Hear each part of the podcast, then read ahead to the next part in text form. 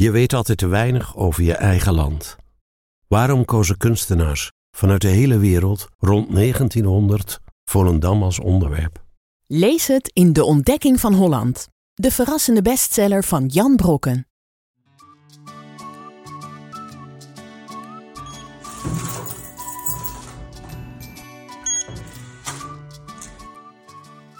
Het is toch heerlijk om te fietsen in de kou. Dames en heren, jongens, meisjes. Je ziet je eigen adem weer. En het mooie is dat in het schuurtje waar mijn fiets staat, daar sterven de muggen, daar sterven de spinnen.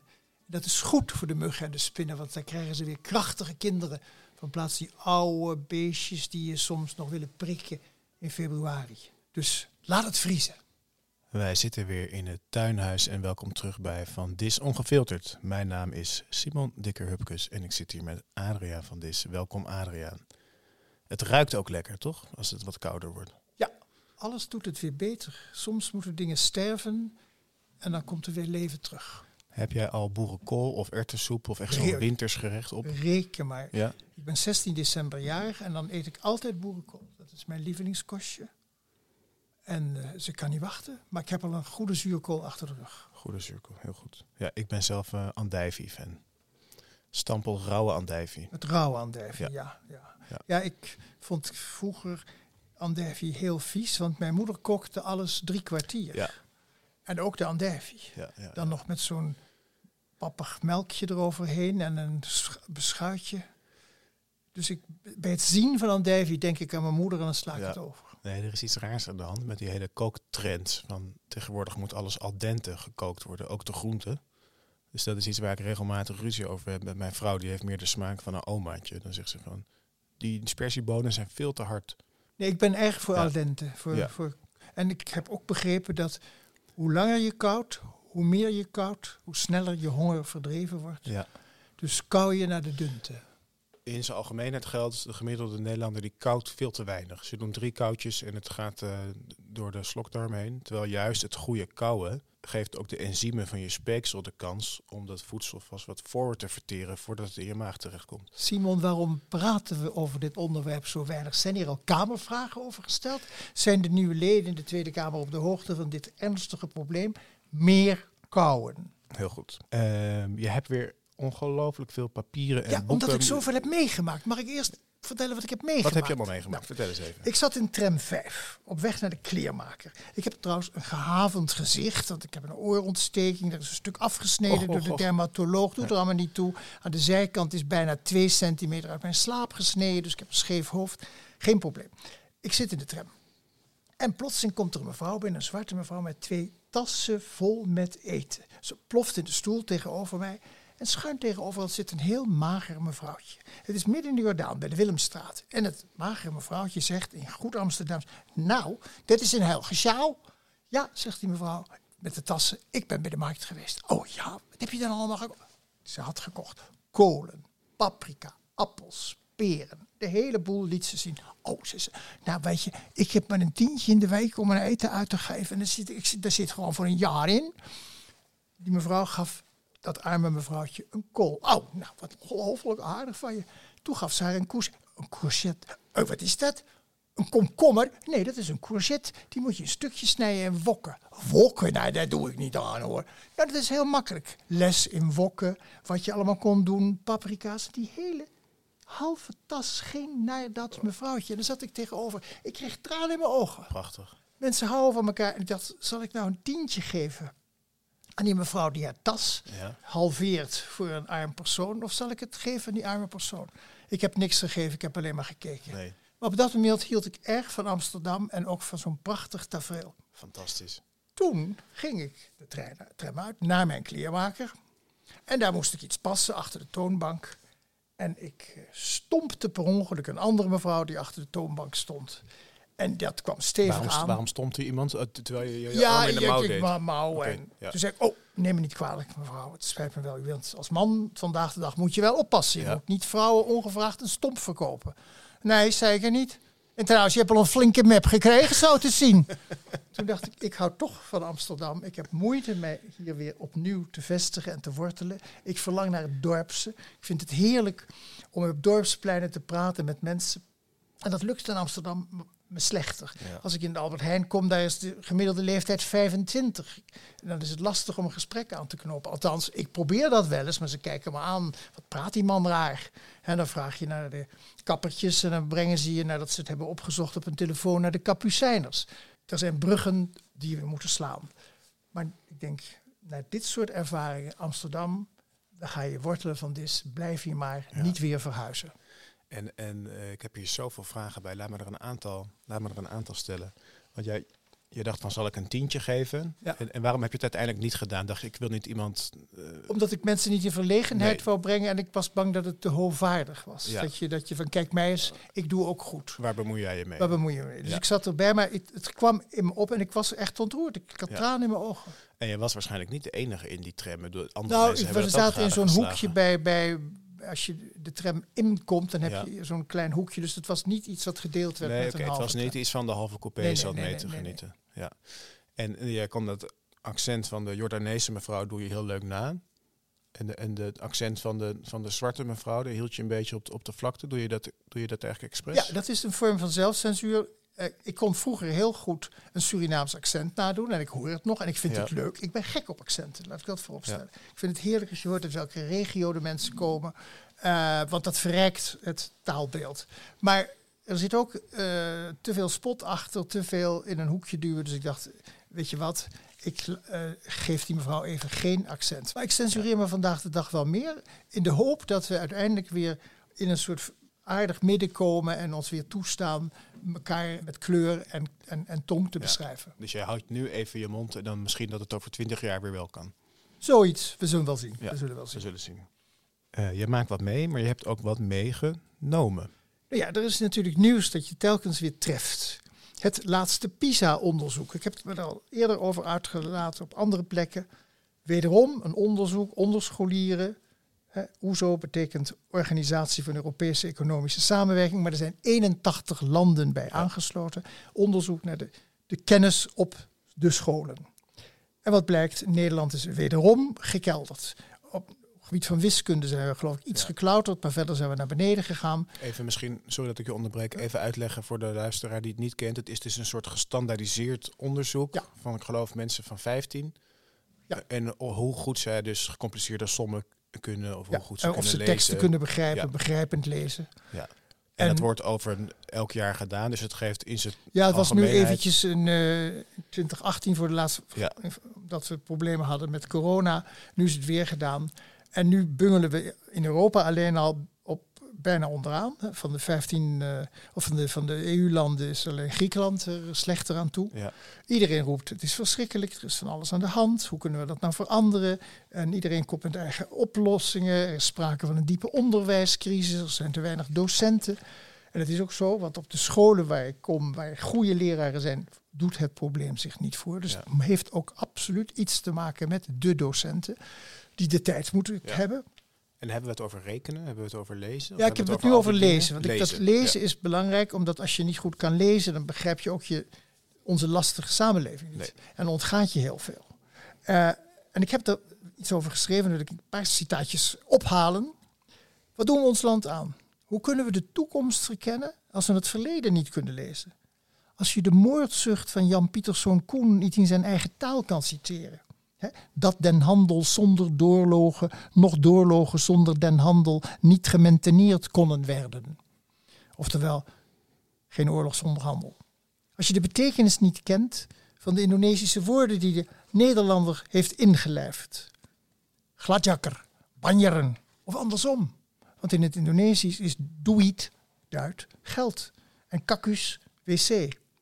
Als je geen benul hebt van het Nederlandse woordenspel in Sukarno's politieke redenvoeringen. En die zijn echt fantastisch, die redenvoeringen. Toch aardig om te weten dat een belangrijk deel van de revolutionaire geschiedenis van Indonesië, het grootste moslimland ter wereld, in het Nederlands is geschreven. Misschien kan je, als je dat vertelt in een klassituatie, leerlingen die heel woke zijn of die een achtergrond hebben van migratie, daar enthousiast over maken. Maar het lukt maar niet. Het lukt maar niet wat je ook zegt.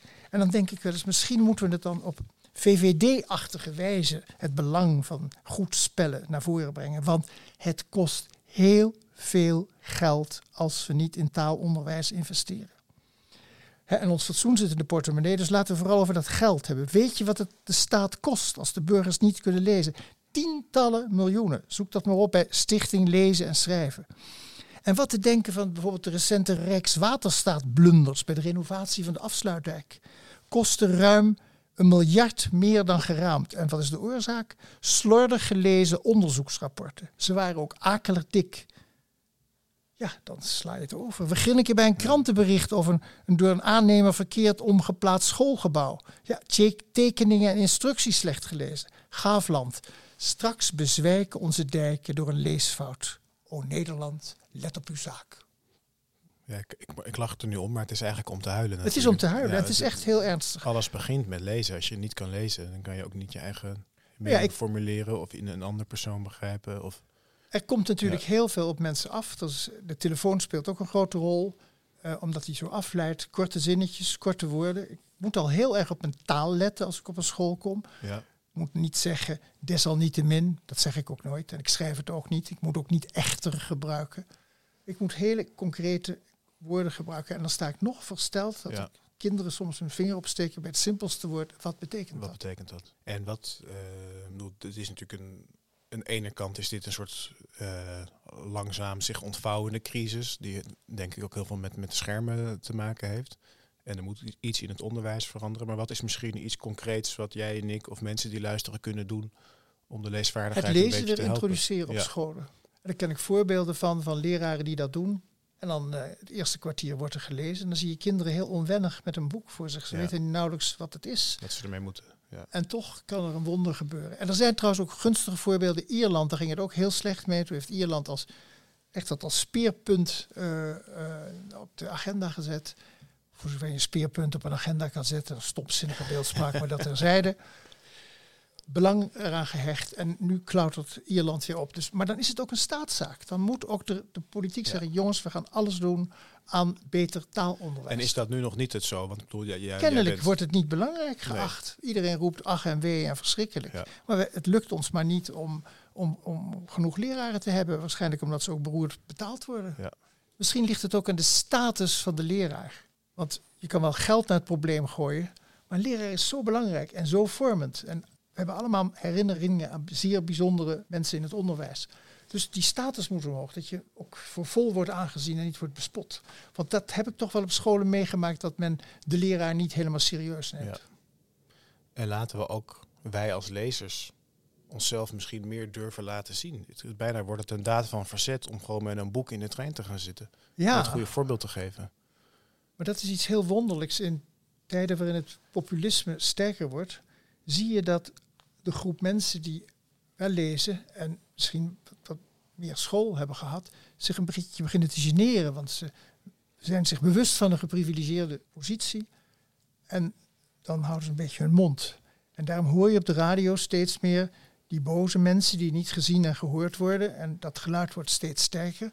Maar die zogenaamde elite, die houdt zijn mond. Ik, beschrijf dat in Cliffy al een klein beetje. Hoe er een sfeer ontstaat van helderheid, duidelijkheid, begrijpelijke kunst, begrijpelijke boeken, geen piep- en krasmuziek. Alles voor het volk. En de mensen die wel een beetje houden van avant-garde, houden hun mond. Want ze zijn zich bewust van een geprivilegeerde positie. En dat niet alleen. Ze stemmen op partijen die het zogenaamd willen opkomen voor de meest kwetsbaren. Maar de meest kwetsbaren stemmen op partijen waar zij niet op stemmen. Die stemmen op de populisten. Dat is op het ogenblik de positie. Dus het is jammerlijk dat, dat die elite, en dat heeft niets te maken met een elite van de portemonnee, dat die elite van mensen die wel lezen, die wel proberen na te denken, die wel nuances toestaan, dat die steeds meer hun mond houden. Je hebt het even over Cliffy. Ja. Dat is jouw voorlaatste boek. Ja. Uh, maar jouw boek waar je nu in de bestsellerlijsten mee staat, is Naar zachtheid en een warm omhelzen. Ja. En daar hebben we iets leuks voor bedacht voor de luisteraar van, van Dis Ongefilterd. Je kunt een gesigneerd exemplaar bestellen, dus gesigneerd door Adriaan van Dis, van Naar Zachtheid en een Warm Omhelzen, exclusief bij www.boekenwereld.com schuine streep zachtheid. En ook in de show notes van deze aflevering vind je die link. En bestellen kan tot en met 17 december.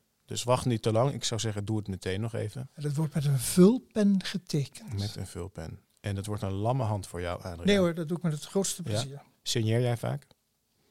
Ik doe het met het grootste plezier. Signeer jij op de Franse titelpagina of op de titelpagina? Ik begin op de titelpagina, maar die begint pas na vier bladzijden. Want het boek begint bij wijze van spreken als een Netflix-serie. Je valt midden in het verhaal Ja, en dan is er een kleine pauze en dan zie je de titel. En daar zet ik mijn handtekening. dat was ik vergeten. Je hebt altijd ook een beetje afwijkende...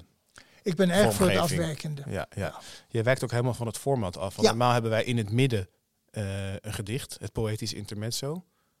Ach, Dat- laat ik dat doen. Ik Ja, ben doe er eigenlijk voor om Ja. interventie eh, door de war te gooien, maar misschien nog een klein poëtisch commentaar op de verkiezingen.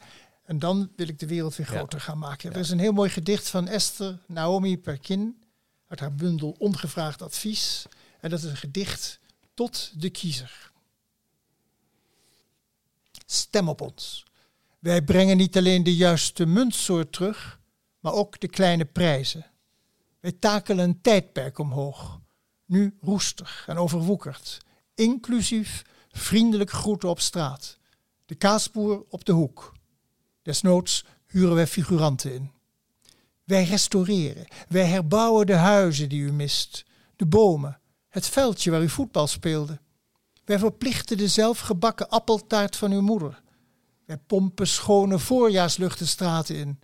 Wij vegen, strelen, kammen de tijd uit uw haar. Wij herenigen u moeiteloos met door uzelf geselecteerde doden. U stemt niet op ons, maar op uzelf. De tijd waarin u geloofde dat hard werken loonde. Wij brengen die weer boven. Stem op wat goed was in dit land. De toekomst is waar u naar terug verlangt. Nou ben ik nog niet zo heel oud, maar ik zou hier zo eh, mijn vakje rood voor kleuren. Ja, maar als je het maar aan de goede kant kleurt. Of de goede kant. En een kant die ons voorspoed brengt. Ja. En die onze wereld groter maakt. En die ook er tegen kan dat we geconfronteerd worden met dingen die we lastig vinden. Ja, Want wederom een prachtig knipsel. Dat is toch ook de rubriek? Knipsel van de week, De absoluut. knipsel van de week. uit welke krant? Deze keer NRC Handelsblad. Dat hadden we afgesproken. Ja. ik, ja, ik, moest, ik moest dichter bij huis Ja. blijven, maar het knipsel blijft niet dicht bij huis. CO2-uitstoot in voormalige koloniën maakt van Nederland een van de grootste mondiale klimaatvervuilers. Denk je, wat krijgen we nou? In de tijd van de koloniën heeft Nederland gezorgd voor de ontbossing in Nederlands-Indië, Curaçao, Suriname. Dus wat, wat maakt dat nou uit? Dat speelt kennelijk een rol in de debatten die we hebben met de kwetsbare landen. Want die kwetsbare landen lijden nu het meest onder de, de expansiedrift en de, de, de, economische voorspoed in de rijke landen, terwijl hun ecologische voetstap gering is. Ja. En er is een carbonbrief uitgekomen, dat is een Britse denktank, gespecialiseerd in wetenschap en beleid van klimaatverandering. En die hebben dat allemaal precies uitgezocht, die zijn met getallen gekomen. En daarin blijkt dat Nederland een van de grootste vervuilers is, Ja. historisch gezien. Even voor de duidelijkheid, dus het gaat niet uit van zeg maar, de huidige jaarlijkse uitstoot, maar wat we in het alles bij elkaar op hebben geteld in de koloniale tijd, Ja. vooral in de 19e eeuw. En als je dat dan bij elkaar optelt, dan zijn we dus als klein land eigenlijk een van de grootste vervuilers geweest. ja, waarin een klein land groot kan zijn. En die historische emissies spelen dus een rol, zoals ik al zei, in die internationale klimaatonderhandelingen. Eh, en, en die gesprekken vinden nu op het ogenblik plaats. Eh, dan zeggen er mensen, ja, maar in de 19e eeuw heeft Nederland al heel erg gewaarschuwd tegen die eh, ontbossing van eh, de- onder andere Java, omdat de inheemse elite veel verdiende aan die houtkap. Ja, zegt de Britse Carbon Brief Denktank. Het gaat niet over wie er baat heeft gehad bij beslissingen in het verleden, maar over wie de touwtjes in handen had. Onder het koloniale bewind berustte de uiteindelijke beslissingsbevoegdheid bij de koloniale heersers, niet bij de lokale elites. Goed, daar kan Nederland het mee doen. Het speelt een rol, kennelijk. En het blijkt ook een rol te spelen nu in de grote klimaattop in Dubai. En dat volg ik met veel belangstelling, juist nu iedereen de hele dag zich bezighoudt met wie er wel of niet aan tafel zit en van tafel wegloopt. En over alle twijfels en over de milde wilders. Ben dan geïnteresseerd, wat gebeurt daar in Dubai? En daar kunnen we elke dag over lezen. En dan blijkt dat er vrij veel inheemse activisten het woord krijgen en het woord voeren. Die dus dit soort argumenten gebruiken, zoals ik net voorlas. Komen die in de krant of zijn die ook echt op de conferentie? Die zijn op de conferentie en die komen ook in de krant. Ja. ik knip dat allemaal uit en ik lees dat en ik, ik, ik, ik, haal dat uit het internet. En zo ik een mooi voorbeeld van iemand waarvan ik, waarvan ik hoop dat ik de naam goed uitspreek. Chautailo Tranamil. En die vertelt een verhaal over uh, het inheemse perspectief, maar dan uh, iets bijzonders dat zich in de Suriname afspeelt, waar de schildpadpopulatie beschermd werd door de oorspronkelijke bewoners. Jarenlang ging dat goed. De, de, eieren lagen op vaste plek en die, die beestjes die eerst in het zand en dan lopen ze naar het water. En ze aten wel eens een schildpad, maar ze zorgden dat die eieren beschermd werden, zodat er geen wilde dieren kwamen ja. om die eieren op te graven en op te eten. Maar toen kwamen de natuurbeschermers, de doctorandussen in de natuur, en die zeiden, ja, maar die mensen eten die, die schildpadjes op, dat is niet goed, dat moet de natuur zelf regelen. En het gevolg daarvan is dat er veel meer schildpadden, uh, eieren werden opgegeten door natuurlijke vijanden uh, en illegale strovers dan de mensen die zelf iets namen, maar ook zorgden voor de bron van hun voedsel, namelijk de eieren van de schildpadden. En dat is interessant. Die stem van die inheemse mensen, dat is iets waar we steeds meer naar luisteren. En in het boek, ik heb dat al eens eerder behandeld, De Vloek van de Noordmuskaat van de Indiase uh, ja, schrijver, geleerde uh, en ook klimaatactivist Amitav Ghosh, speelt dat een belangrijke rol, die inheemse stem. En hij laat ook allerlei mensen aan het woord. En ik ben weer eens gaan kijken wat er eigenlijk al gezegd is in de 19e eeuw. En ik was echt verbijsterd over de visionaire uh, opmerkingen. Bijvoorbeeld. Dus wacht even, we hadden het even over de COP28, de, de klimaatop ja. nu. En je gaat en nu een stukje klimaat, voorlezen. wil ik het illustreren ja. aan iets wat ja. al lang in de boeken staat. Dat we steeds meer oor beginnen te krijgen voor die inheemse stem. En dan citeert Amitav Ghosh, een man uit 1642, uh, het, het opperhoofd Miantonomi.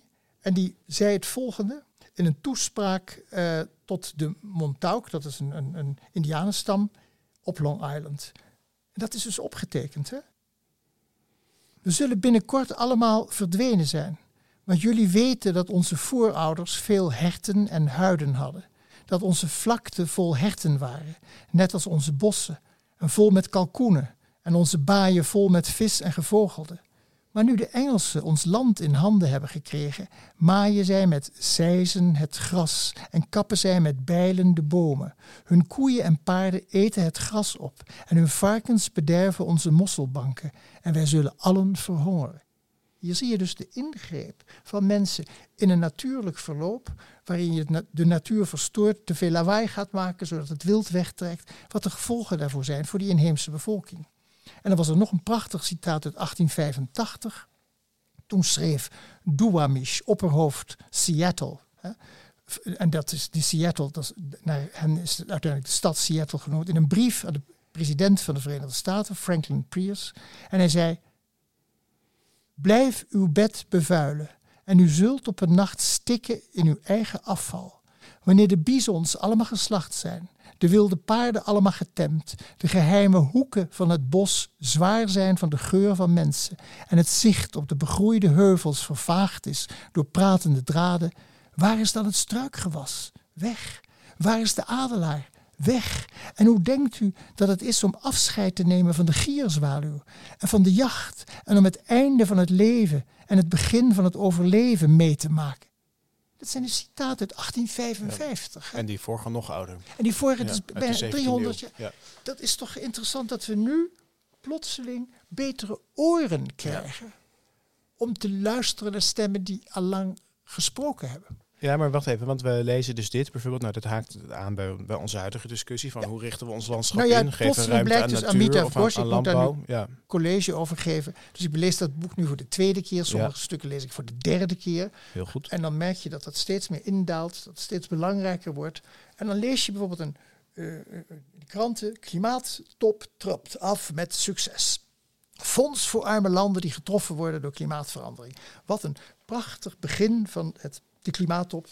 Ja, in dat Dubai. geeft een goed gevoel. Dus Mark geeft een met heel een grote glimlach wat geld eh, Maar dan toezegt. kijk je weer even bij Gosh en dan lees je het volgende. Op de VN-klimaattop van Kopenhagen in 2009 werd overeengekomen dat de rijke landen jaarlijks 100 miljard dollar zouden overmaken naar armere landen, om die te helpen de gevolgen van de klimaatverandering op te vangen. Maar het door de VN opgerichte Groene Klimaatfonds is er slechts in geslaagd 10,43 miljard dollar bijeen te brengen en is nu uitgeput.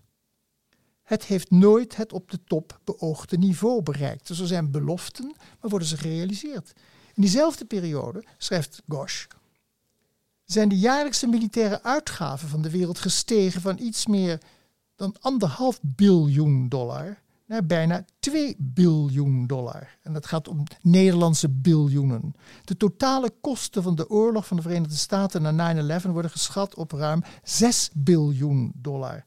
En dan, wat blijkt? Militarisering is de ecologische meest destructieve menselijke activiteit.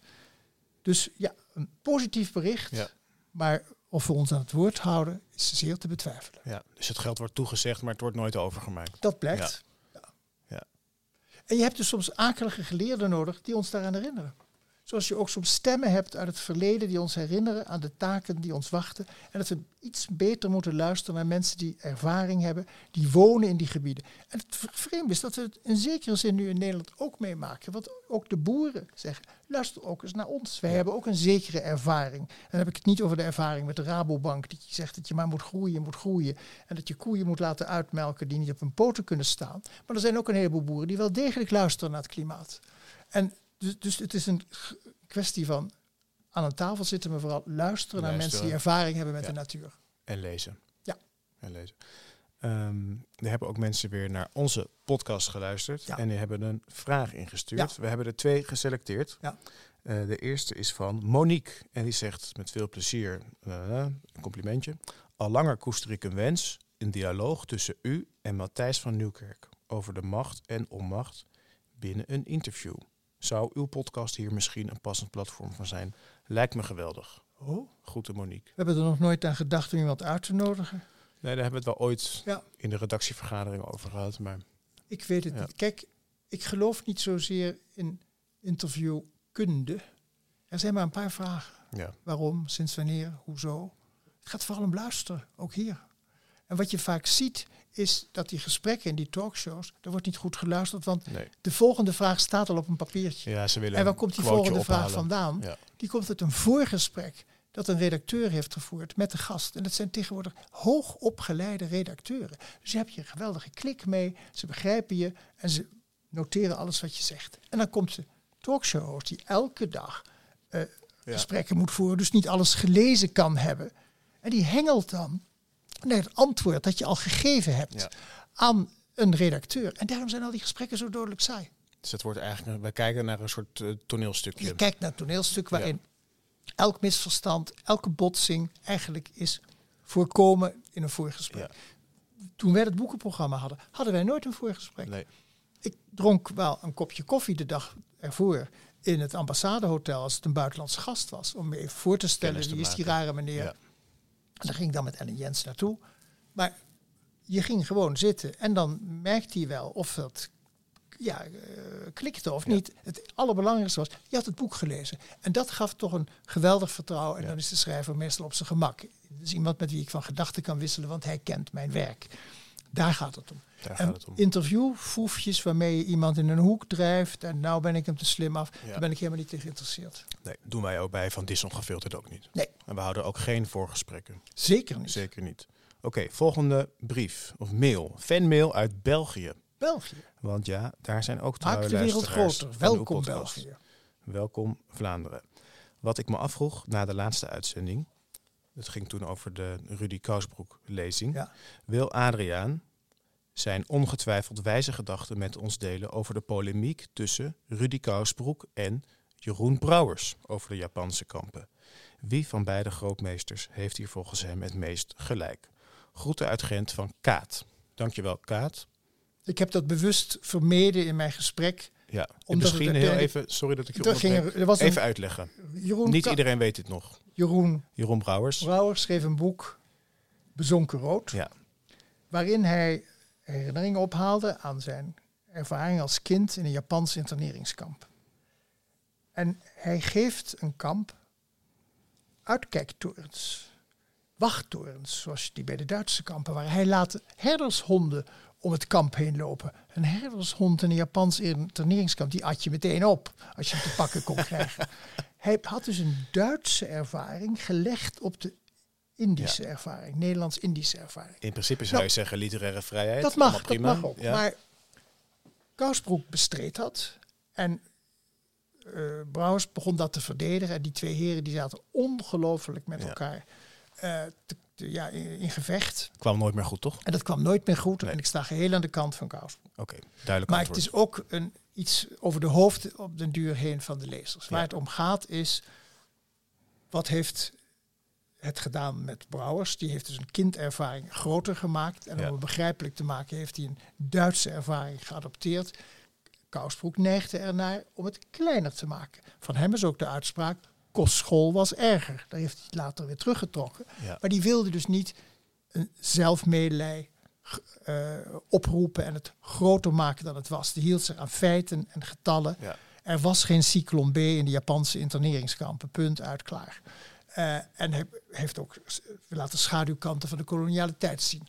En dat, eh, ja, dat botste dus met die twee heren. Maar Ja. ik, ik vind het niet belangrijk genoeg om er al te lang bij stil te Nee, staan. nee, maar je kan wel begrijpen dat iemand die vraag Ja, heeft. natuurlijk. Hele goede vraag. En, je hebt ook Ja. antwoord gegeven. Je staat aan de kant van Rudy. Eh, wilt u, trouwe luisteraar of eenmalige luisteraar, nou ook een vraag stellen aan Adriaan van Dis? Stuur dan een e-mail naar van Dis, apenstaartje, atlascontact.nl. Adriaan, wij gaan naar de afronding van deze Ja. episode. Toch nog een knipseltje? En ik- nog een klein knipsel. Nou ja, Ja. Der Spiegel over eh, Meloni. Der Spiegel. Ja. Lees je ook al. Die lees ik, maar nou las ik hem eerlijk gezegd uit het eh, beste uit de internationale pers, Oh ja. het voortreffelijke tijdschrift 360. Ja. Als je wereld groter wil maken, lees dat. Zijn allemaal uittreksels uit buitenlandse kranten. En, En- vertaald. Nou, kijk, Meloni, z- zei, in- dat is dus de, de premier van Italië, eh, van de, wat heet die club? De, de, de, de Fratelli d'Italia, de broederschap der Italianen, gesteund ook door Forza d'Italia, de partij van Berlusconi. En in het binnenland voor de familie, tegen abortus, tegen LHBTQ, tegen alles wat het het familie-idee ondermijnt, de lieren terug, eh, Italië uit de Europese Unie enzovoorts. Dat doet het goed. Mensen hebben op haar gestemd. Ze treedt naar buiten en in Europa omarmt ze dan plotseling toch de Europese Ja. Unie en de NATO. Spreekt haar sympathie uit voor Oekraïne. Ze wordt omarmd door de Europese politici. Ze krijgt aanzien. Macron, eh, eh, Schulz, mevrouw von der Leyen. Rutte gaat met haar naar Tunesië. Ja, dus mevrouw Meloni telt weer mee. discussie over de formatie wordt ze ook wel als voorbeeld gepresenteerd van, nou, sommige van uw populisten kunnen best pragmatisch Reken maar. regeren. Ze tonen Ja. de milde kant. Zoals Wilders nu de milde kant toont. In het buitenland mild en geaccepteerd. En als je die buitenlandse acceptatie hebt, dan kun je in het binnenland weer uitvoeren wat je wil. Ja. En dan kun je dus toch de, de schroeven weer aanzetten. En wat doet ze dan En in het binnenland? Dat nou nog steeds tegen abortus. eh, en, en tegen eh, ja, sterk eh, nationalistisch en homofoob Ja. Eh, beleid. Ja, ik geloof En- als je daar een regenbooggezin bent, dan is je huwelijk eh Dan, dat, dat wordt niet geannuleerd. Ja. Dus, maar ik wil maar zeggen, dus die mildheid, en vooral de mildheid die in de ijskast zit, en in een ijskast stopt men gewoonlijk bederfelijke waar, eh, dat is iets wat we goed in de gaten moeten houden, want het is mildheid voor de bühne. Duidelijk punt. Ja. Bedankt, Spiegel. bedankt dat je voor ons Der Spiegel en de NRC hebt gelezen Ja. deze week. De volgende uitzending over twee weken is een hele speciale uitzending. Dat wordt namelijk onze kerstuitzending. O jee, Ja. jingle bells, jingle Precies. bells. Dan gaan wij de hele Wij uitzending vierden praten altijd over... kerstmis. Nee, nee, bewaar dit. Wij vierden altijd kerstmis met een echte boom met kaarsjes. En dan zat mijn vader met een emmer en een spons naast de kerstboom. Geweldig. Want dit hadden wij thuis ook. Ja. En- Maar bewaar dit. Hier gaan we het de volgende keer over En hebben. om half negen Nee, lagen nee. we allemaal in bed omdat er ruzie kwam. Praat niet verder. Ook ruzie hoort ook bij de feestdagen. Maar ik heb wel nog een oproep eh, voor de luisteraars. Eh, wilt u misschien uw kerstvragen of kerstwensen?